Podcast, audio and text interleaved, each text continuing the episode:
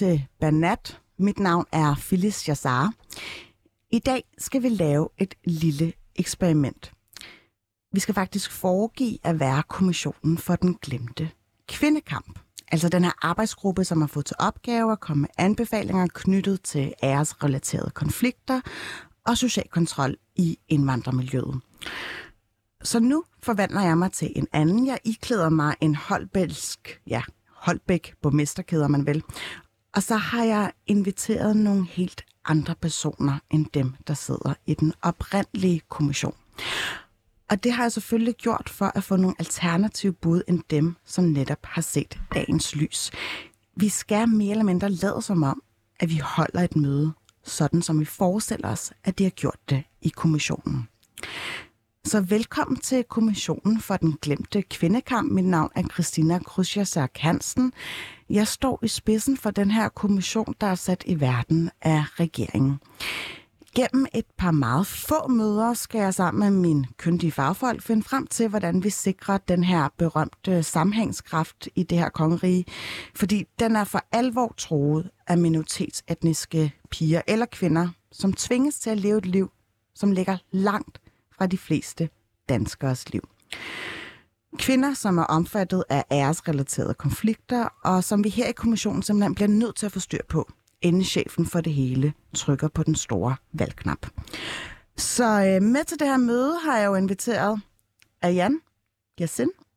Du er i gang med at skrive en Ph.D. på Roskilde Universitet. Velkommen til. Tak skal du have. Og så har jeg Nibras Assis, som er konsulent hos Dansk Industri, og du er også øh, LinkedIn-influencer. ja, selvudnævnt.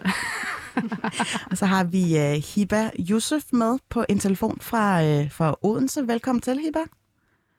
Tak. Du er statskundskaber. Og så har vi uh, Nada Amir, som er aktivist og studerende. Velkommen til dig, Ose. Tak. Jeg har jo samlet jer gode fagfolk til at ligesom snakke om, hvordan kan vi komme de her problemer til livs. Jeg synes jo, at det er tankevægtende, at der er nogle piger i det her land, som oplever at blive spyttet på, chikaneret, fordi de bærer tørklæde.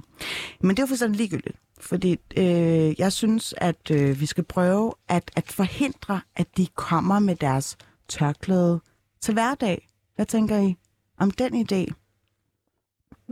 Hvis vi ligesom skærmer den fra at komme i skole, iklædt deres muslimske øh, tørklæder, så kan det være, at vi, vi prøver at uh, få mere inkluderet, og så kan vi få et, en bedre uh, sammenhængskraft på tværs af landet. Christina, må jeg spørge, hvad er det for et problem, vi tænker at løse, at vi ønsker at løse her? Du nævnte øh, kvinder, der er udsat for æresrelateret vold og social kontrol. Mm. Rammer vi dem, hvis vi, øh, hvis vi forbyder tørklædet, som du siger? Jeg tænker, for mig set, så øh, vil vi helt vildt gerne få bugt med, at der er nogen, der oplever tvang. Der er nogen, der oplever tvang, der får det her tørklæde på imod deres vilje. Hvordan kan vi i et samfund, hvor øh, individets frie muligheder bliver ligesom mødt, også i folkeskolen for den sags skyld. Øh, vi har jo prøvet i 15 år nu at få bugt med de her problemer, men det er ikke rigtig lykkes os. Så, øh, så jeg vil faktisk bare lige kaste øh, ja, bring something to the table her, og det kunne jo være tørklædet. Lad os lave et forbud mod tørklædet. En national forbud. Hvad tænker I? Min hjerne, den skal lige, øh, skal lige processere. Øhm, først og fremmest tak for invitationen, Christina.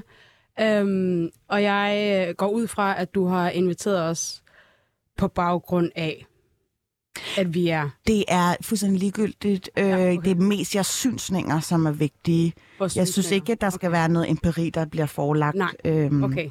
Det hele handler om, om hvad anekdoter. I synes. Anekdotisk ja. bevisførelse, det, det tror jeg faktisk okay. er det, som integrationsproblematikker typisk bliver løst. er gode at have med. Mm. Ja, ja, ja, ja. Så, okay, så lad os sige, at vi kommer med hvad, 30 års øh, frivilligt og ufrivilligt øh, etnografiske øh, erfaringer. Ikke? Vi har levet livet så synes jeg, at øh, jeg, kan, jeg, jeg har meget svært for, ved at forstå øh, præmissen, men også påstanden om, at tørklæde er lige med tvang, er lige med social kontrol, at der er nogen, der tvinges. Jeg underkender ikke, at det sikkert eksisterer.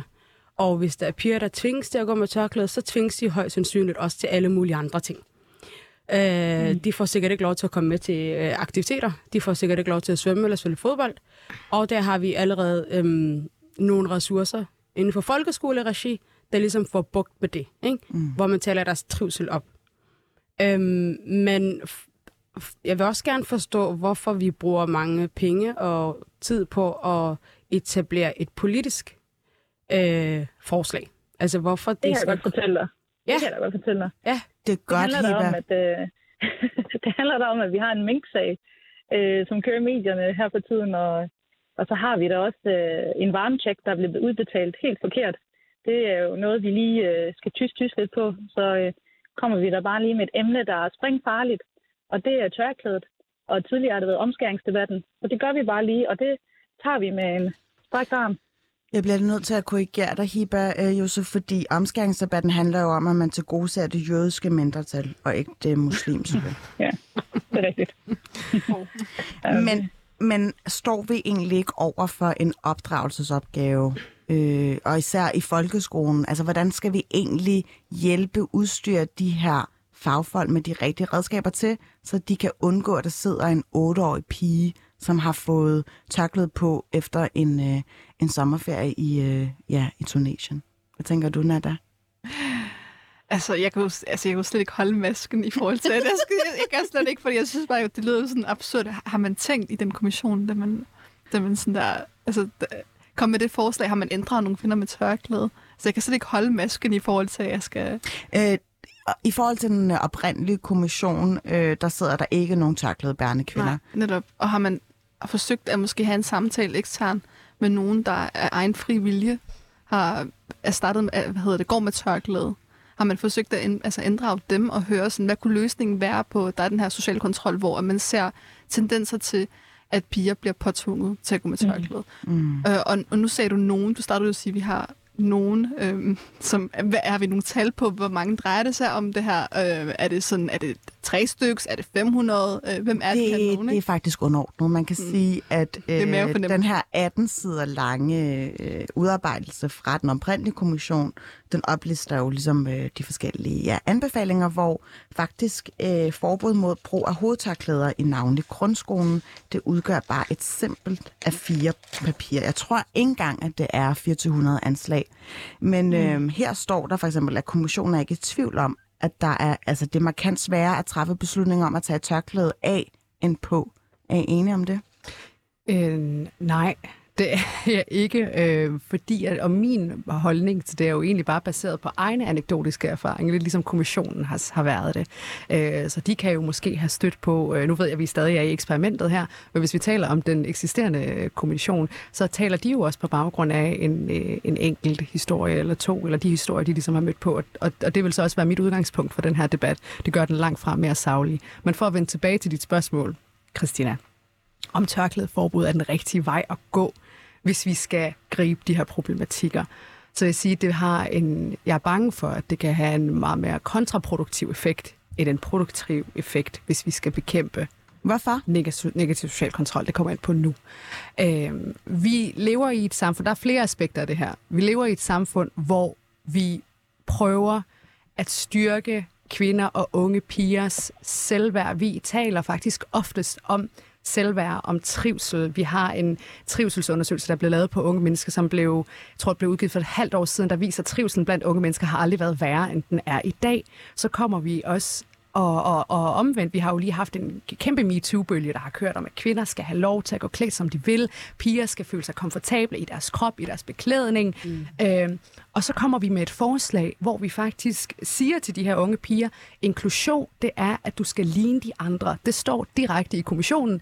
Det, der siges, det er, de her etniske, unge etniske piger skal vide, at de har samme ret som danske piger.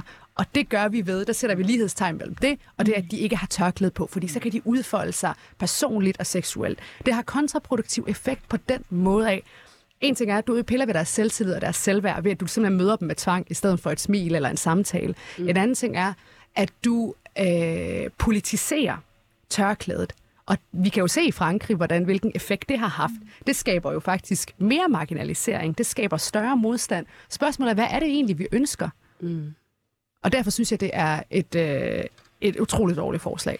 Jamen, altså... Øh, Som egentlig, undskyld, som egentlig også går altså, imod den grundlæggende, det vi kalder for en øh, prote- protestantistisk øh, levevis, ikke? mm, Altså det der med, at det er, det er, den, øh, det er den personlige frihed, der, der får lov til at gå forret, ikke? Ja, udover det grundloven og FN's øh, menneskerettighedskonventioner. ja. så fik vi lige det på plads. øhm, Nada, øhm, tror du, det her det kommer til at skabe krøfter? Altså, jeg tror da helt sikkert, det kommer til at skabe krøfter, forstået på den måde, at man opdeler, øh, man, opdeler, at man allerede har en antagelse om, at kvinder med tørklæde er undertrykte. Det er jo. Det kan jeg se på jer, ja. Jamen, jeg, det, det var meget hårdt at komme ind her, her i dag. Altså, det skulle virkelig... Blev du kørt af din far? Ja, Ja, det- altså, ja. min far, han, ja, han hæv i mig. og- Ja, det endte helt galt, og det svidt jeg har i dag. øhm, man ender med at dele dem op i et... et øhm, man ender faktisk med at sætte kvinder i en bås, der hedder, at kvinder med tørklæde er undertrykte.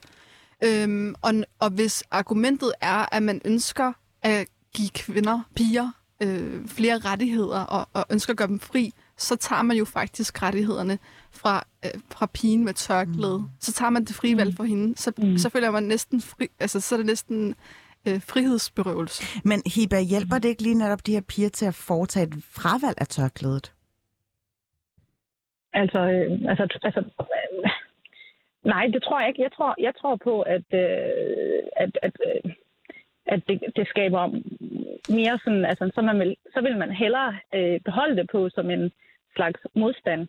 Altså, man, jeg, jeg tror, at det vil skabe mere sådan, øh, altså man vil tage, altså, en, ja, en modstand. Jeg tror, at der er flere unge piger, der kommer til at tage det på ved at, ved, ved at føle sig provokeret af sådan en regel. Øh, jeg føler lidt, at det klinger hult, at man ud fra en masse øh, en, sy, så ja, en masse sådan sysninger, eller ja, at man synes, ej, at kvinde, piger undertrykt med tørklæde, og, øh, og kvinder undertrykt med tørklæde, i stedet for at tage, tage fat i nogle data og kigge på, jamen, altså vi har faktisk for ikke for så lang tid siden haft en, øh, nogle tal på, at kvinder, ude på ar- kvinder med tørklæde ude på arbejdsmarkedet faktisk er mere fravalgt. Altså de bliver fravalgt ude på arbejdsmarkedet mere end en kvinde uden tørklæde. Og i stedet for at tage fat i det og diskutere det og gøre det nemmere for kvinden med tørklæde og være en del af samfundet, ikke at være en del af parallelsamfundet, komme ud på arbejdsmarkedet for eksempel, fordi det er jo det fokus, som, som man også hører dem snakke om, at de, der, der bliver skabt et parallelsamfund, når man, eller parallelle, øh, øh, ja, parallelsamfund, når piger render rundt med tørklæde.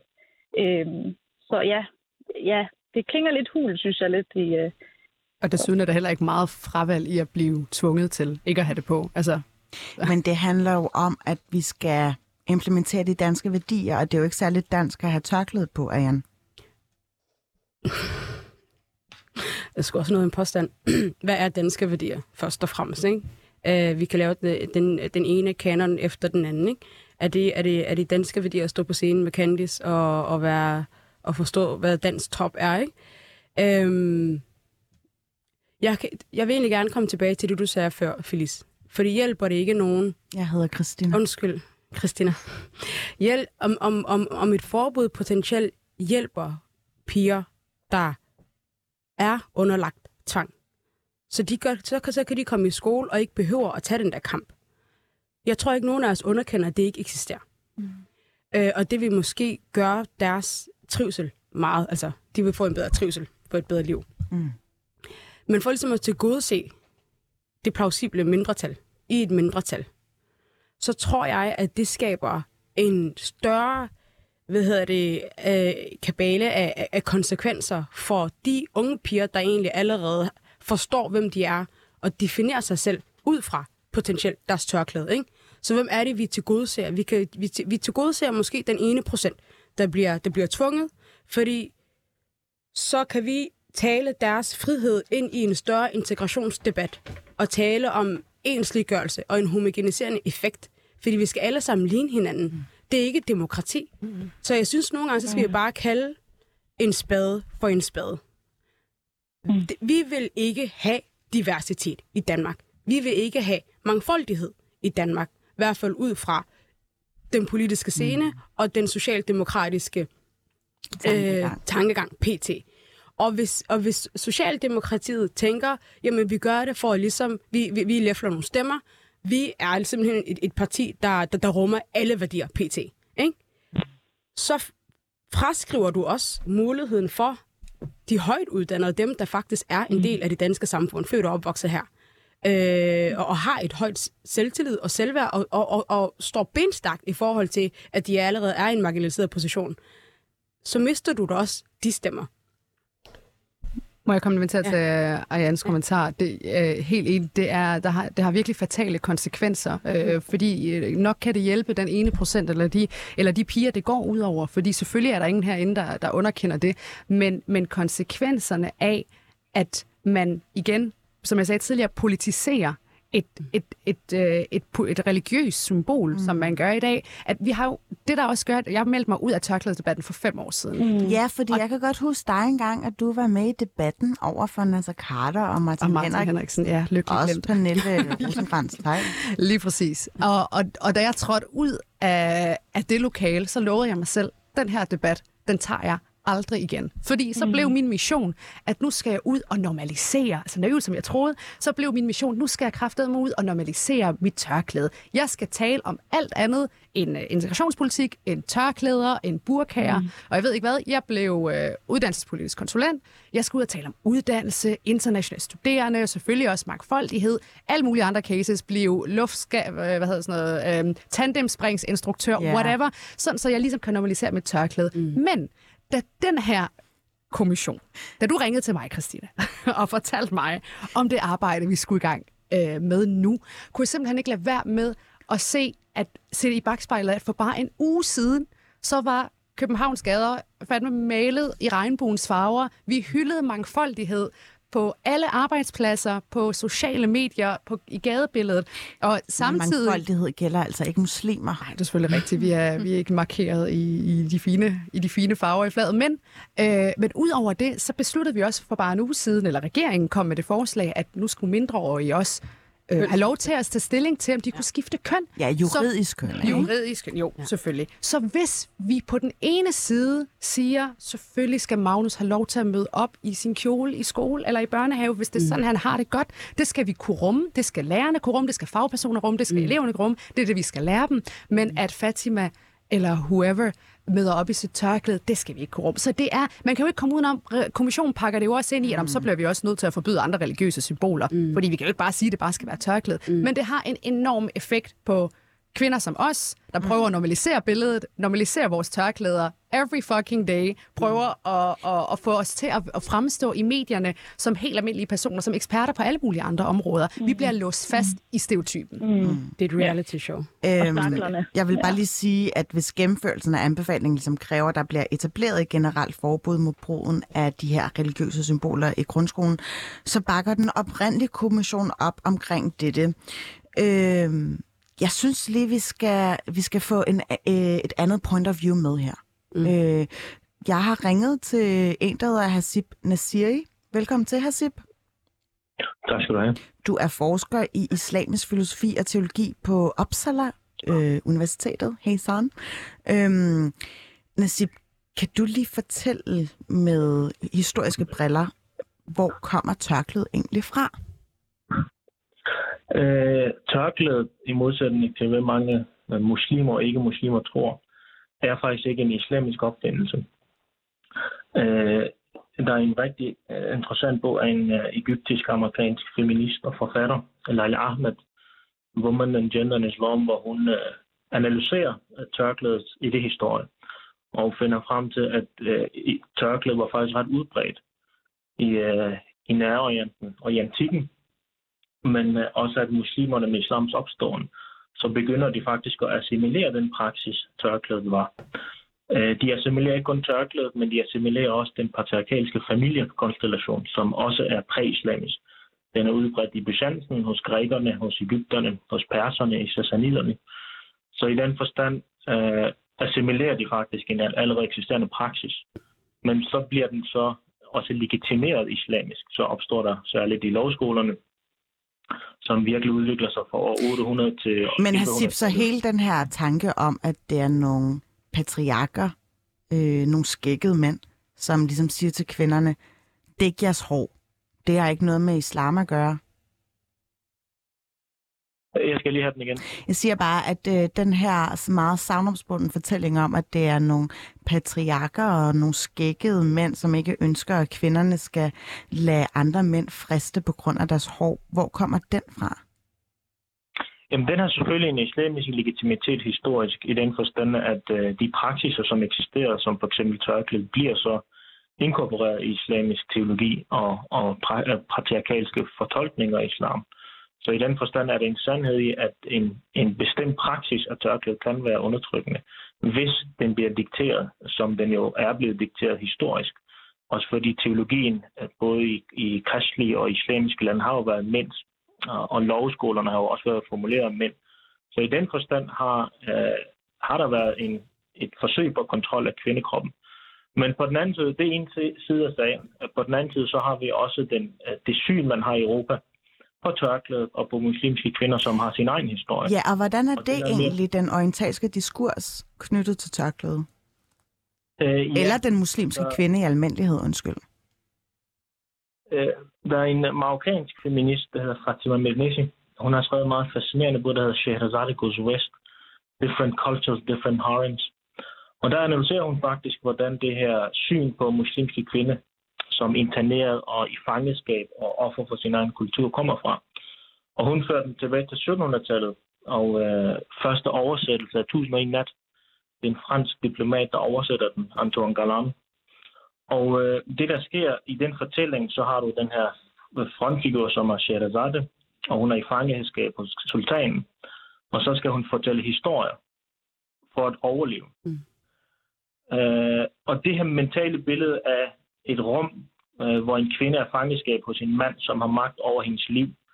Det bliver så normaliseret i europæiske kultur, og den bliver inkorporeret i kunsthistorie for eksempel. Nogle af de største europæiske malere, som Picasso, som Delacroix, som uh, Ingres, uh, som Matisse, de tager det her motiv og udvikler den hele det her harem-fantasi. Og den bliver også inkorporeret i teater og senere i Hollywood i det 20. århundrede. Men uh, fællesnævneren er, at du har en kvinde i fangeskab, og der bliver så uh, tørklædet koblet til den debat. Så den europæiske historie med, eller synet på tørklædet og den muslimske kvinde, er faktisk ikke kun bundet til tørklædet, men det er bundet til et mentalt billede, uh, imaginært billede af fangeskab. For det interessante er, at den demografiske forandring, den kommer jo først senere hen, særligt i det 20. århundrede. Men muslim, billedet af den muslimske kvinde som interneret, den, den er i hvert fald 300 år gammel ja. og, og bundet til den her orientalske diskurs. Mm. Det er måske derfor, at den her kommission er ekstremt uoriginal. Christina. Præcis. Det, det, det kan argumenterne går det synes jeg ikke, du skal mange, mange, når jeg snakker okay. med Hasib. øhm, Hasib, så, så mødet med den, øh, den muslimske kvinde i almindelighed, altså vi har jo de historiske kilder, som du så fint opridser her, men, men altså, hvordan får man ligesom malet hende frem til, at hun er undertrykt? Det er oftest i visuel kultur. Altså, som jeg nævnte i, i maleri, så den øh, mainstream europæisk malerkunst, altså nogle af de absolut største europæiske malere, som alle sammen selvfølgelig har været mænd i moderniteten oftest, de portrætterer det her øh, motiv om øh, et sådan eksotisk rum, med sådan paradislignende rum, og så er der nogle øh, sådan, der liderlige eller tilgængelige kvinder, smukke, erotiske. De har meget let tøj på, og så er de altid tilgængelige for et maskulint blik.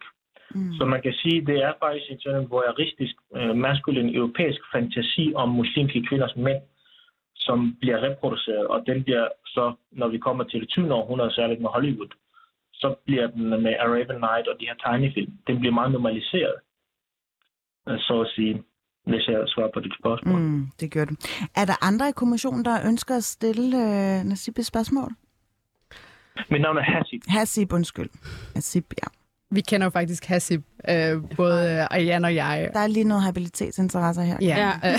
så, så Hasib, kunne du ikke øh, også fortælle lidt om den her, øh, altså den form for, for øh, ja, ønsket om sekularisme, vi både har set i, altså sådan bevægelserne, der ligesom har været i Europa. Vi har set det i Frankrig, og det er samme bevægelser, vi også ser i, i øh, i, hvad hedder det, i Danmark nu, med blandt andet det her forslag øh, og andre lignende tiltag. Er det egentlig øh, er det nye øh, boller på suppen? Øh, hvor, er det ikke noget, man, man, man faktisk tidligere har set, og hvad er det reelt et, et, øh, et tegn på? Hvad er det for en, i hvilkes, hvilkes interesser er det her i virkeligheden? Det er meget sådan, nu har jeg selvfølgelig læst rapporten, og øh, det er næsten som om at læse, eller det er næsten som, at det er en kopi af den politik, mange uh, nyoprettede nationalstater i 1920'erne og 30'erne i uh, centralasiatiske republikker, i Ægypten, i Iran, i Tyrkiet førte. Fordi mm. i takt med kolonialisering, så opstod der så et behov for at modarbejde kolonialisering. Men, men europæisk modernitet blev formuleret i en retorik om civilisation. Så der var civiliserede mennesker, og så var der savages, eller barbar. Og, og selvfølgelig sorte mennesker var nederst i hierarkiet, og så var det dem, der man mente var kulturmennesker. Sorte var naturmennesker, ikke sorte var ikke sorte ikke europæer var kulturmennesker. Øh, og i den øh, retorik så opstår der en, en muslimsk reaktion med nationalismens opståen, hvor man også vil være civiliseret. Og en af de her tegn på civilisation er så, at øh, kvinderne skal være frie, muslimske kvinder er ikke på arbejdsmarkedet osv. Øh, og en af tegnene på tilbagestående det er så øh, tørklædet. Så tørklædet bliver faktisk en eller anden form for gissel for en, en kamp mellem forskellige maskuliniteter. Hvis man kigger på Atatürk, altså grundlæggeren af republikken i Tyrkiet, eller øh, Reza Shah Pahlavi i Iran, jamen så når man studerer deres taler, så er der meget den her, at nu skal vi være civiliseret, nu skal vi være fremmedgjort, hvad hedder det, progressive. Vi skal tænke på fremtiden, og der kan vi ikke have tilbagestående kvinder. Så den retorik og den politik, der bliver ført i den historiske kontekst, det baserer sig på, at europæiske kvinder og mænd skal klæde sig europæisk. Og det, der kommer nogle lovforslag, blandt andet i 1936 i Iran, øh, man kalder det Pahlavi-loven, eller Koloi Pahlavi, hvor man for eksempel gør det øh, obligatorisk for mænd at tage den her Pahlavi-hat på, som er en, en kopi af europæisk hat. Mm. Så hele den her debat med progression, modernitet og tørklæde, historisk kommer den faktisk derfra, fra 1920'erne, 1910'erne, 1930'erne, mm. og den bliver så implementeret. Så den retorik, man har, den er faktisk en kopi af den her maskuline kamp om øh, progression og progressivitet og modernitet. Og der bliver kvindernes beklædning så et symbol på tilbageståenhed, hvis de er hvad hedder det, øh, tildækket. Hasib, man kan jo sige, at noget af den retorik er jo adapteret, men også blevet forfinet. Og øh, hvis du skulle give sådan en overflyvning af, hvad har ligesom argumentet typisk været i Danmark eller i Norden knyttet til kvinder, som bærer tørklæde? For mig at se, og, og når jeg læser kommissionens anbefaling, så det, der går igen, der er den her øh, implicit racehierarki. Du har civilisation, du har fremgang, du har progressivitet, og så har du tilbageståenhed. Øh, og der bliver ofte, så det er kun i Danmark, man kan se det i Frankrig, man kan se det mange steder, så er der en idé om, at for at være progressiv, så skal man være religiøs. Så skal man være frigjort. Og, mm. og der formulerer man så moderniteten som en modsætning til religiøsitet. Så religiøse symboler bliver så tegn på tilbageståenhed. Og det er den, i den ånd, som er kolonial, altså den mentalitet er gammel, den er fra 1800-tallet og starten af 1900-tallet. Men den fortsætter så i en ny version. I tidligere tider så mener man, at nogle mennesker var biologisk degenereret. Nå. Men den, den idé flytter sig ja. til, at det bliver så nogle andre symbolikker. Men retorikken om, at, at det fordi en, et hver civiliseret menneske har sin egen modsætning for at være civiliseret, så skal du have nogen, der ikke er civiliseret. Mm. Fordi det er sådan, vi konstruerer vores identitet. Mm. Så i den forstand er man også med til at legitimere sin egen frigjorte danskhed. Danskhed er frigjort, det er en, en, en, en nøgenheds, hvad hedder det, fokuseret kropskultur. Og det modsatte er så ikke, ikke øh, progressiv. Det er så tilbagestående. Mm. Så, så for mig at se, den, i princippet er der ikke noget nyt i den her mentalitet. Det er sådan meget den franske laïcité-tanke, altså den her franske mm. militante sekulariseringsideologi, ideologi, som ser det religiøse som tilbagestående. Mm. Nu, øh, nu nævnte du faktisk Tyrkiet, der i grundlæggelsen af den moderne republik ligesom brugte argumentet om, at vi skal ikke være et tilbagestående folkefærd, så altså deraf skal kvinderne lade sig gøre frigjort og ikke bære tørklæde. Men hvor står Tyrkiet egentlig den dag i dag i forhold til det muslimske tørklæde? Altså, øh, det kan måske lyde lidt for karikeret. Debatterne om tørklædet øh, i muslimske nationer er meget mere sofistikeret.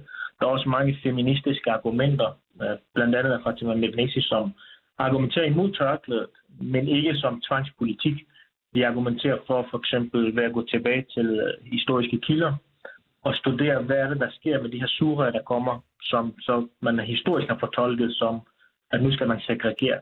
Men det, de virkelig eksplicit kritiserer, det er segregering. Det vil sige, det er, at øh, kvinder skal være derhjemme, og, og det offentlige rum er den mindste domæne. Øh, så, så de, nogen siger tørklæde som en forlængelse af det. Men, men selv modernisterne var ikke så firkantet, at de så tørklæde som symbolet på tilbagestående i og for sig. Der var debatten mere nuanceret. Men okay. der var nogen, som fremsatte et meget hårdt argument for, at man skulle sekularisere, og det var særligt i uh, Iran og i Tyrkiet, mm. hvor man så førte den politik. Men det gav selvfølgelig også, den modernisering var ikke kun en, en voldelig retorik mod kvinderne, der skabtes også uh, reformering af familielovgivning, blandt andet i Tyrkiet. Og Tyrkiet var en af de første lande, som gav stemmeret til kvinderne. Blandt andet som Atatürk og ungtyrkerne stod for. Mm. Så billedet er mere nuanceret. Men der kom fri, øh, fri, frihedsrettigheder til kvinderne, baseret på den her modernitetstankegang. Men overordnet set, så var modernitetstankegang baseret på en mindreværdskompleks, øh, hvor der var nogen, der var højere oppe i hierarkiet, det var europæere, og så var der nogen, der så skulle imitere dem. Mm. Og det er det, jeg læser så i. Så det var meget eurocentrisk allerede dengang? Præcis. Mm. Øh, Hasib Nasiri, øh, tusind tak for historielektionen. Vi kunne nemlig øh, blive ved, og øh, det kan være, at øh, ja, vi skal gøre brug af din viden omkring øh, islamisk filosofi og teologi på, på, på et andet tidspunkt, men øh, det bliver alt for nu. Tusind tak, fordi du gad at være med på en telefon. Må jeg lave et hurtigt shout-out til, øh, hvis man ønsker at blive klogere på det her, så gå ind og følge øh, Muslims Kvindekamp på Instagram. Den er blandt andet drevet af Hasib og andre kloge hoveder, der kan gøre jer meget klogere på det her. Det var lige en sidebemærkning. Det lødes uplifted. Godt, nu tror jeg faktisk ikke, jeg gider at være Christina længere. Øhm, det var stramt. ja, altså, øh, jeg har altid synes, at hun øh, virkelig slog et slag for, øh, for unge politikere, der ligesom gerne vil stige til tops, og jeg synes, hun var meget forbillelig, og jeg kunne godt lide den måde, hun, øh, hun, hun toner frem på skærmen på. Mm. Så, øh, så, så man kan jo sige, at hun lidt rammer de andre sådan progressive. Man kan have set uh, Laura Rosenvinge i løbet af sommeren, som har sagt, at uh, vi skal også lige få lov til at være her. Også der er lidt mere identitetspolitiske vagte i Socialdemokratiet. Og så kommer Christina og bare siger, hvem sagde woke? Øh, men, øh, men nej, nu vil jeg faktisk bare gerne tale som mig selv. Øh, og jeg hedder jo Phyllis Yassar, og øh, uden at tage bestik af, hvordan de ligesom har, har haft de her drøftelser, så synes jeg, vi har brug for sådan en lille øh, ventilering jeg vil gerne ud med noget lidt fred. Mm. Øhm, det er jo fredag, så øh, hvorfor gå på weekend med ja, en mm. klump i maven? Så jeg vil gerne sige, øh, kære politikere, eller kære, kære jer derude, som ikke bærer tørklæde, og som synes, at andre, der har det på, skal tage det af. Shame on you. Ja, tak. Yep. Ja, tak. Simpelthen. Er der andre, der har lyst til at føre faklen videre? Altså, jeg vil rigtig gerne starte. Jeg havde så meget på hjertet. Altså, jeg havde så meget på hjertet. Jeg kunne slet ikke, altså, jeg kunne slet ikke være i mig selv, da jeg læste da, da Natasha Hariris, øh, hvad hedder det, Insta-opslag. Ah, Jamen, altså, jeg har allerede mødt rigtig meget modstand i folkeskolen at det, at på det baggrund, at jeg har valgt at gå med tørklæde. Altså, det var hele tiden en debat i, i klasselokalet mellem mig og min folkeskolelærer. Hvorfor går du med tørklæde? Dine forældre, der har bestemt, at du skal gå med tørklæde. Altså, sådan, hun havde virkelig sådan... Øh, det var virkelig sådan en, en meget hård tid. Så for mig, når, når, når sådan et hvad hedder det, når sådan en anbefaling kommer, kommer på bordet, så sidder jeg og tænker sådan, hvad, hvad med de problemer, vi allerede har mm. omkring det? De, altså, jeg synes faktisk, nu snakker vi tidligere omkring, er det, er det sværere at, at starte med tørklædet, er det, eller er det sværere at, at, hvad hedder det, smide tørklædet? Og jeg synes, i dag, der er det faktisk blevet sværere at beholde tørklædet på. Jeg synes, det er sværere at værne om sit tørklæde. Jeg synes konstant, at jeg bliver, mine værdier bliver angrebet fra alle sider. Øhm, og, det er faktisk ikke engang kun Pia Kærsgaard nu. Altså det, det, er sådan, det er ret overraskende 2022. Det er også mig her i studiet. ja. uh-huh. øhm, så for mig at se, så kom det sådan, det, det kom jo ikke som et chok. Altså vi har jo kørt islamofobisk... Gjorde det ikke det? Nej, vi har kørt islamofobisk prædiken i så mange år, og vi har tilladt fra alle sider Paludan, der, brænder, Mm. der brænder Koran af. Altså det, det, altså, det var bare lige der, det, der manglede. Så det overraskede mig faktisk ikke. Og hvis man også kigger på antal hadforbrydelser, øh, der er begået ja. øh, med islamofobisk øh, hvad hedder det, motiv, så kan man også se, at det steg rigtig meget. Øhm, og det overrasker mig bare rigtig meget, at, at der ikke er en handlingsplan direkte imod islamofobi. Mm. Øhm, ja. Så jeg tror faktisk bare, at det overraskede mig ikke, men det, jeg tror stadig, det gør en ked af det, at, mm. at, man, at der kommer sådan ja, sådan fransk politik, øh, og sådan, ja, det stinker lidt af sådan valgkamp og fransk politik. Altså det er sådan, ja. Mm. Så jeg kan godt mærke, at på mig, der selvfølgelig, jeg var jo ikke overrasket, Ej, men, men ja, det er jeg- sådan, ja. Ja. Hibba, Jeg, jeg øhm, tager den da lige, du... jeg tager den lige, Ja, fordi jeg har ja, simpelthen også too much på hjertet. Altså, det er da helt vildt. Men altså, hver gang den her tørklædedebat kommer op, og hver gang vi hører om negativ social kontrol, så står jeg fuldstændig af, fordi at jeg er tilbage i 17 sammen med nogle andre, og andre unge piger, øh, blandt andet i Bras, og Jan faktisk også, Mm. i Odense Kommune. I kender sgu alle sammen hinanden i muslimer. Bare en stor fætter kusinefest, det her. Undskyld, færdiggør endelig, Hibba.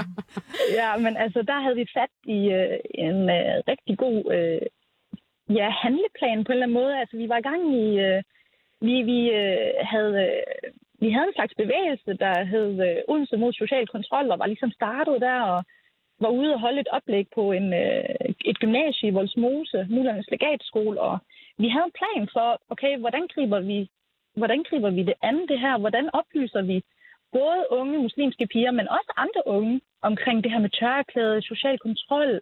Vi kommer det til livs indfra, fordi det var ligesom os, der tog teten. Det var ikke alle de andre, der skulle snakke om os. Det var os, der skulle tage fat Mm. og ligesom at sætte det på dagsordenen. Mm. Men så, øh, den faldt lige så hurtigt på jorden, som den kom op. Altså, der var ingen støtte at hente, og Mm. vi prøvede ligesom også at appellere til, okay, vi er nogle unge, der ligesom er færdig, har, der enten har færdiggjort en kandidat, der er i gang med en Ph.D., der er stadig er studerende. Altså, vi skal have nogle midler til ligesom at holde fast i det her. Hvad gør vi fremadrettet? Og den blev bare ikke altså, støttet godt nok. Ja, det var ikke øh, rabiat og ja, rabiat nok med de cases, vi var interesseret i. Der var Ja. ikke nok krisehistorier. Lige præcis. Nå, Lige Ja. præcis. nå. Ja. Men, øh, Ariane, altså du, når jeg taler med dig, og jeg kender jo også dig øh, andet steds fra, så er det altid som om, at du befinder dig en anden tid, om det er fortiden eller fremtiden. Men du har i hvert fald, jeg kunne godt forestille mig, at du havde lidt også set den her komme. Og, øh, og jeg bliver overrasket over, at jeg altid bliver skuffet. Altså taget i betragtning af, af Hasibs øh, histories crash course, ikke? Ja. Altså, vi, vi, vi, det er den samme fortælling gennem flere hundrede år. Og så tænkte jeg i morges, dengang, dengang jeg var på vej hjem fra Zetland Helikopter, Som du lige har medvirket i. ja, som jeg lige har med, medvirket i, jeg havde sådan en re- ekstrem underlig følelse i kroppen. At så går jeg på, altså, alle, alle de andre får lov til at cykle på arbejde, cykle i skole, du ved, leve deres liv. Der er ikke nogen distrahering. Vi, der allerede har en travl hverdag i forvejen, og bare gerne vil være. Ikke? Mm. Bare gerne vil være til. For lige pludselig pålagt et, et, et, en, en ekstra dimension af, ja, der er valgkamp, redegør lige for din eksistens her. Ikke? Mm. Redegør lige, hvorfor du gør det ene og det andet. Øh, og da jeg sagde ja til det der interview, så er jeg bare sådan, jeg gider ikke være den der case. Fordi, Øh, hvis, hvis, og jeg har, jeg har gennemskudt, det er virkelig sådan, du er en case, og tager den let købte position, det er bare sådan, ja, det hele det er lort. Koranen skal brændes, flere altså, øh, forbud, øh, skriv en bog, der er allerede den kreative klasse, der gerne vil købe, altså en, en, en, en bog om de brune problemer, ikke? Så let købt position. Men det betyder så ikke, at de ikke eksisterer. De eksisterer. Så hvis, jeg, så hvis jeg tager den der position, der hedder, ja, ja, det er rigtigt, og jeg er blevet tvunget, og selvfølgelig skal det, og jeg vil have haft et fantastisk øh, ungdom, hvis nu der var et, øh, et forbud med, øh, med at gå, gå med tørklæde. Den position kunne man tage, men den, er, den ligger lige i højhjørnet. Mm. Mm. Øh, og så anerkender den præmis om, at det her er et kæmpestort problem. Eller jeg kan tage den anden præmis, der hedder, det er ikke et problem. Jeg kender ikke nogen, der har været tvunget. Jeg har vokset op med nogen, der har tørklæde på, der ikke har tørklæde på. Jeg har gået med tørklæde, jeg har gået med hijab, jeg har gået med chador, jeg har gået med, og nu går jeg med turban. Nogle gange har jeg den af, nogle gange har jeg den på. Hvad fuck rager det er? Ikke? Og, og, og, hvis, og, hvis, og, og, så tænker jeg på, også, hvis jeg vælger en dag at tage turban af, så, så føler jeg, så taber jeg kampen. Mm. Og så tænker jeg, min krop er en, er en proxy war. Mm. Der er nogen, der udspiller en, en, en, en sådan værdibaseret krig på min krop. Mm. Og hvor fremmedgørende kan det ikke være? Mm. Og det er på Mens baggrund I af får- mavefornemmelser. Altså, lad os lige tænke over det. Altså, Ja, ja, ja. ja. på baggrund af mavefornemmelser. Men nu smider jeg lige en mavefornemmelse ud her, fordi altså, har I nogensinde følt, at I blev vogtet til at tage tørklædet på? Altså, øh, nu taler vi fra, da vi startede med det, eller at vi, at vi er Ja, fordi noget af det, som øh, for eksempel en af kommissionen tonede frem på skærmen i går i forbindelse med Deadline, det var, at hun er direktør på det her øh, RID, altså Safe, øh, jeg glemt, hvad det hedder i, i sin Red. fuld længde. Ja, Red, undskyld. Mm. Og hun sagde, at øh, vi oplever, at der er nogle piger, som bliver vogtet på, som holdt øje med til at tage tørklædet på. Mm. Så der ligesom kommer det her udefra kommende pres. Mm. Altså, jeg har gået med tørklæde, siden jeg var ni år. Altså, jeg kan Mm. i hvert fald, det er i hvert fald lidt over halvdelen af mit liv, kan man sige. Så jeg Mm. kan godt tage den og sige, selvfølgelig har jeg da spejlet mig i min mor. Jeg har set op til min mor, mine bedsteforældre, min bedstemor, øh, mostre og så videre. Så selvfølgelig har det været en start af, at jeg gerne vil kunne spejle mig øh, i dem, jeg holder af derhjemme, og min, øh, min, min familie. Så selvfølgelig har det da startet med, at man, at man måske har øh, set op til sin mor, og gerne vil gøre sin mor stolt. Øh, øh, men jo ældre jeg bliver, jo mere bliver jeg bevidst omkring, det her det er mit valg. Også i forlængelse af, at man har set kusiner eller andre omkring sig, rigtig Mm. tætte veninder tage tørklædet af, så man bliver mere bevidst omkring, jeg har også det her valg. Mm. Men det her, det er faktisk, faktisk ikke altså det her, det, det er et oprigtigt valg, jeg har taget på baggrund af min overbevisning, på baggrund af mine værdier. Og det skal man ikke mistænkeliggøre. Nej. Ved at sige, jamen, jamen du har aldrig selv valgt Nej. det, du er bare vokset op mm. med det. Nej, nej, så underkender du også hendes intelligens. Ja. Ved at sige, du er Mm. ikke klog nok til at selv vælge en, du er bare vokset op med det. Lige præcis. Okay, så, så, så, nu- så nu er det undertrykkeren, der igen skal forklare, at jeg er ikke undertrykt. Ikke? Så Mm. det, det, det er et fucking cirkus. Mm.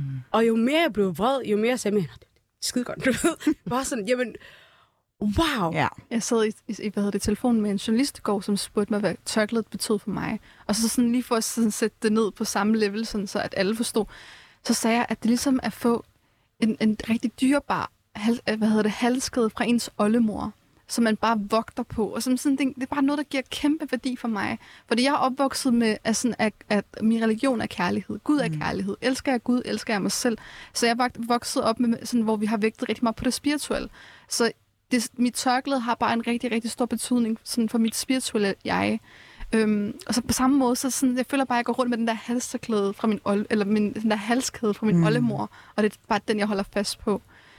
Men det, jeg også synes er et problem i hele det her, det er igen tilbage til, at Jan sagde, det var også derfor, jeg stod snappet først. Yes, sister, præcis. Vi skal forholde os til, hvorfor vi har taget det her valg. Mm. Du går sgu da ikke op og spørge en, en, en, en transkønnet mand, hvorfor han har taget sit valg. Det er fuldstændig privat anlæggende. Jeg kørte mm. den her LinkedIn-tråd, hvor jeg øh, ligesom også øh, kastede op med mine frustrationer. Øh, og, og et af... Som har altså, skrivende stund rigtig mange likes. Ja, ja, lige pludselig så gik det helt amok, og det har jo været virkelig overvældende at se, hvor mange derinde, der faktisk også siger, ja, hold kæft, det er så åndssvagt, det her forslag. Mm. Altså, både med og uden tørklæde, ikke? Mm. og alle, alle mulige etniske baggrunde. Men så får jeg selvfølgelig også en, en, en, en kommentar, og det er jo sådan noget som, jeg, jeg oftest blev stillet, da jeg medvirkede i interviews som yngre, og fik, havde nogle øh, journalister i telefonen, som sagde, jamen Nibras, jeg vil gerne spørge dig om, hvorfor er det egentlig, du har valgt at gå med tørklæde? Mm. Jeg har jo for eksempel øh, hue på, når det er vinter, og det er fordi, det er koldt, men når jeg træder ind i fitnesscenteret, så tager jeg den af. Og så når jeg går ind i, på arbejdspladsen, så har jeg jo ikke min hue på igen, og så, så veksler jeg ud fra, hvor det giver mening at have den på. Mm. Ergo, vi bliver simpelthen nødt til at komme over det hele det her princip med, at vi skal retfærdiggøre for vores personlige valg. Det er én ting. En anden ting er for at gå tilbage til det, Hasib siger. Så igen, summa summarum af hele det her øh, historiske oprids, det er, en ting er, at det her det er øh, på, intet måde, på ingen måde noget nyt. En anden ting er, at det er gentagende gange den mandlige elite, der har behov for at bestemme og diktere kvinders øh, påklædning. Mm. Om det er tørklæder, om det er crop tops, om det er whatever. Kan vi ikke komme fucking videre? Mm. Altså, det, det er det, der er problemer. Og det, er problem, Det kan vi synes, faktisk ikke. det er et problem, at kommissionen et klip. ikke kan se det her. For det- Og det er kvinder, undskyld Felice, det, det er kvinder, der sidder i den her kommission. Det er faktisk øh, rigtig kloge, intelligente og dygtige kvinder, men de hopper simpelthen med på den her øh, øh, øh, vogn og, og, og, og projektionerer den her form for, for hvide feminisme øh, igen og igen. Og det virker bare så useriøst. Altså, det virker som om, det er sådan en lappeløsning. Hvad med i stedet for at tage fat om, hvordan vi uddanner lærere, så vi klæder dem på til, hvordan de møder elever, der, der bliver udsat for, der er underlagt, underlagt social kontrol. Mm. Det- Men det er jo faktisk også øh, anbefaling 3, styrket viden om at fokus på æresrelateret mm. sociale kontrol, eller social kontrol i daginstitutioner og grundskoler. Øhm, jeg vil faktisk gerne bare lige afkle, eller afspille et klip og det er med en øh, tidligere skam-karakter, nemlig Iman Maskine. Det har også floreret lidt på sociale medier, det har ligesom fået den her revival. Og det var faktisk for den originale taleradio, nemlig Radio 24 hvor hun gæstede øh, Rushits Roulette. Og øh, der lød anklagen faktisk sådan her. Jeg forstår ikke, og jeg tror jeg aldrig, jeg får en forståelse for det, hvordan I frivilligt leger undertrykke. Mener stadigvæk undertrykke. Jeg ved godt, I ikke bruger det ord. Mm. Men fakta er jo, at det er manden, der har indført tørklædet. I viser, at manden har overtaget ja, på, på den måde, som I klæder jer på. Du er eh, også mann, som nå eh, forteller hva det tørkleet betyr for eh, meg. Og du er mann som forteller meg at eh, jeg er undertrykt fordi jeg går med det. Så hvorfor skal jeg høre på deg, som også er mann, som ber meg hvordan jeg ikke skal gå? Eh, og her kommer det å tro inn i bildet. Jeg forstår at eh, når man ikke tror, så er det på en måte vanskelig å forstå, men det handler egentlig ikke nødvendigvis Jeg forstår jo ikke de som ikke tror. Jeg forstår ikke hvordan man ikke kan tro på en gud. Eh, men jeg respekterer det. Og jeg tror vi kommer veldig mye lenger med å respektere hverandre. At vi kan ikke forstå alt. Vi kan ikke forstå alle, hvorfor folk gjør som de gjør. Men det handler om å respektere at folk tar ulike valg og eh, har ulike virkelighetsoppfatninger. Ja, det her klip var vist fra 2018, så omtrent ja, fire år siden. Øh, Hiba, jeg har lyst til at stille spørgsmålet til dig. Synes du, vi er blevet bedre til at respektere hinanden? Sådan som uh, Iman ligesom adresserer, at det forudsætter i et, uh, ja, i et land, hvor vi uh, går op og ned af hinanden med forskellige ja, religiøse overbevisninger. Jamen, jeg synes, jeg synes er lidt, altså, nogle gange synes jeg, det går rigtig godt. Og nogle gange så har jeg meget selvtillid og selvværd, når jeg går ned ad gaden og kigger mig rundt og sådan noget. Og så kommer der lige sådan en, en dårlig hændelse, men så tænker jeg, at jeg prøver at holde mig positiv. Jeg, jeg siger til mig selv, det her det skal nok gå, og prøver ikke at lægge så meget i det. Jeg prøver virkelig at holde mig positiv omkring det, men når der kommer nogle politikere eller nogle, ja, nogle deltagere i en kommission, der skal pålægge mig øh, en masse værdier, som jeg ikke øh, har lyst til, altså nogle vestlige værdier egentlig på en måde, som jeg ikke rigtig kan definere mig i, øh, vestlig feminisme, øh, feministiske værdier, så, som jeg ikke kan se mig selv i, der, der kan jeg godt blive sådan lidt bange for fremtiden egentlig, og bange for, okay, hvad, hvad, har det, hvad har det betydning for mig om 10 år her på arbejdsmarkedet, eller i det her samfund, eller om 20 år, eller hvad, hvad med min datter, hvad med mine to døtre, altså, hvor er vi henne? Så jeg kan godt blive bange for, at når der kommer til en kommission, selvom jeg har sagt til mig selv på forhånd, nej, det går bedre, det går godt her i Danmark, så kan jeg blive bange for igen, okay, okay det her, det, vi er på vej ned ad en, ja, en, en forkerte vej igen. Også for lige at supplere dig, øh, uh, Hibat, Undskyld, hvis jeg må, Felice. Uh, Fyr den af. Der er også, det er jo også virkelig forskelligt, hvilken setting du begår dig i. Altså, jeg er oprindelig jyde, uh, har så boet de sidste 10 år mit liv på Fyn, og så er jeg kommet til København. Så som ny københavner, så elsker jeg jo det her med, at du bare smelter ind i gadebilledet. Det er lidt mm. uh, under Copenhagen Fashion Week, var det mega fedt at gå med tørklæde, fordi mm. der var flere modeller, der gjorde det. Jeg ser det på hovedbanegården med nogle uh, Nike-reklamer og så videre. Altså, man kan også kalde det tokenism, mm. whatever. Det, det eksisterer selvfølgelig også. Men man ser det mere i gadebilledet. Det er fashion statement, det er et politisk ja. statement, et religiøst statement, Ej, whatever undskyld, you like. forklar lige, hvis min mor lige lytter med, hvad er tokenism for noget? Jamen altså, uh, tokenism, det her koncept om, at man som uh, i det kan være i reklamebranchen, i modeverdenen, har brug for at repræsentere, øh, ja, har brug for at fremstå divers, og så får man en, en prodigy ind. Øh, sådan, så har vi lige, håndplukker vi lige en med tørklæde, og mm. en med en, øh, en med stort afrohår, øh, og så kan vi tjekke det af, men i virkeligheden, så er der faktisk ikke en reel interesse for at, øh, at kæmpe, at kæmpe, og kæmpe den sag. Lige præcis. Ej, så du er i gang, i gang med at fortælle, hvorfor jeg er blevet ansat her? altså, nogle gange har jeg da også tænkt det om, om, om nogle af de arbejdspladser, jeg selv har været på. Sådan, where is the diversity? Så kan vi lige tjekke af, at vi har en tørklædespærte kvinde. Øhm, mm. Ikke fordi det skal definere mig, men igen for at gå tilbage ja. til de spørgsmål ja. om, er det blevet bedre? Så det kommer virkelig an på, hvor du er. Når jeg tager til Skive, som er øh, hometown i, øh, i Jylland, så er det en anden oplevelse, jeg har. Og det er jo også de her, og så når jeg kigger politisk, hvis jeg går ind på Altinget og læser artikler der, eller øh, øh, i de fora på, på de sociale medier, så føler jeg jo mig jo ikke velkommen på nogen måde. Så vi agerer jo også i forskellige spektre, i, i forskellige settings. Altså, der er ikke noget, du kan spejle dig i, det der, står står Nej, skrevet på, i altinget? nej, på, nej, altså jo, selvfølgelig alting, men igen, det er en politisk debat, der mm. kører der, øhm, og, og, og, det, og hvor den politiske verden er meget mere karikeret og sort-hvid sat op. Mm. Så jeg tror, hvis vi kigger på den almene befolkning, kvæg Pride, øh, kvæg MeToo-kampagner, så er der en generelt en større åbenhed. Men vi har ikke brug for, at det er søde her fru Jensen, øh, som er naboerne, der smiler til os på vejen. Vi har brug for at blive ansat i virksomheder, mm. som tager seriøst, fordi vi Og går det får mig faktisk til at lige at stille øh, det spørgsmål her. Mener I, det er svært at få et helt støbt billede af kvinder, der bærer tørklæde? Ja. Så nikker I, Hibba? Hvad siger du? Hvad siger du? Jeg siger bare, altså, hvorfor er det egentlig, øh, og det er en forestillelse af et oprindeligt spørgsmål, hvorfor er det, vi aldrig møder kvinder med tørklæde i for eksempel populærkulturen? Der var den her virkelig sjove komiske serie på, øh, jeg tror, den kom fra England, den hed Lady Pats. Øh, nej, The Lady, The Lady Parts, Lady Pats. punkbandet, Ja, præcis. genial show. Se. Øh, men vi møder hende jo, altså vi mødte hende godt nok Sanna i, øh, i Skam, men, mm. øhm, men er der behov for, at vi får et mere sådan helt støbt billede af kvinder, der bærer tørklæde, så det ikke kun er en identitet, der har et, øh, ja, et, et stykke stof viklet rundt om hovedet? Må jeg tage den?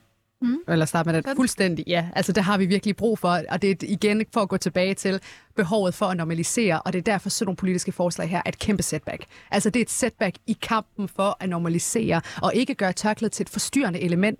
Jeg havde engang en kollega, som sagde, ja, men du kan jo ikke komme udenom, at du sender jo et meget kraftigt, stærkt religiøst signal, når du tropper op med et tørklæde. Det er simpelthen stadig intimiderende. Mm. Altså, vi er i et moderne samfund, et moderne civiliseret samfund, og alligevel er det her Han stof snakker nok bare om din personlighed. Det kan også godt være. Det skal være, at jeg var, jeg var for stor en mundfuld for ham. Men det, vi er stadig et sted, hvor det er intimiderende. Vi ser ikke tørklædsbærende kvinder i nyhed, altså, som nyhedsværter, fordi det er et forstyrrende element. Vi skal komme væk fra det der, og det gør vi blandt andet ved, øh, medieverdenen spiller, har en kæmpe, kæmpe, spiller en kæmpe stor rolle i det her. Hvis vi også ser reality shows, du siger, hvorfor vi ikke ser kvinder med tørklæde i popkulturen, jamen popkulturen er super ekskluderende. For bare et år siden, så var der, selv i Paradise Hotel, du er det største Paradise-seer, men, men der var jo øh, plantet nogle, nogle homoseksuelle deltagere, som reelt set ikke var deltagere, men som var med som joker, fordi at de skulle jo ikke De danne skulle par. opveje? Fuldstændig, de skulle opveje, og det er først i år, at det er blevet en reel øh, ting. Mm. Så, så vi har virkelig langt igen i, i Jeg tror øh, også bare, jeg opfatter det nogle gange som et håndpluk.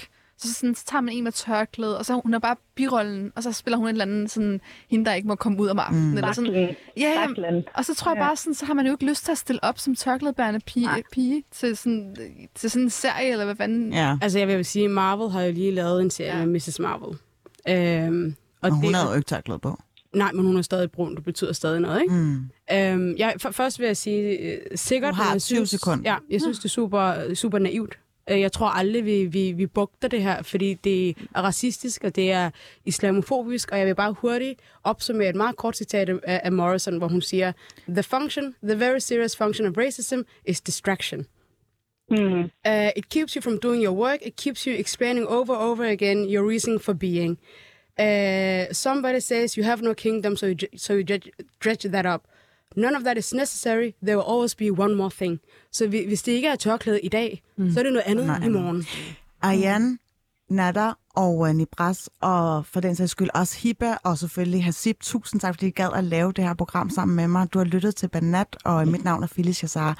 Jeg håber, I altså får en uh, bedre weekend.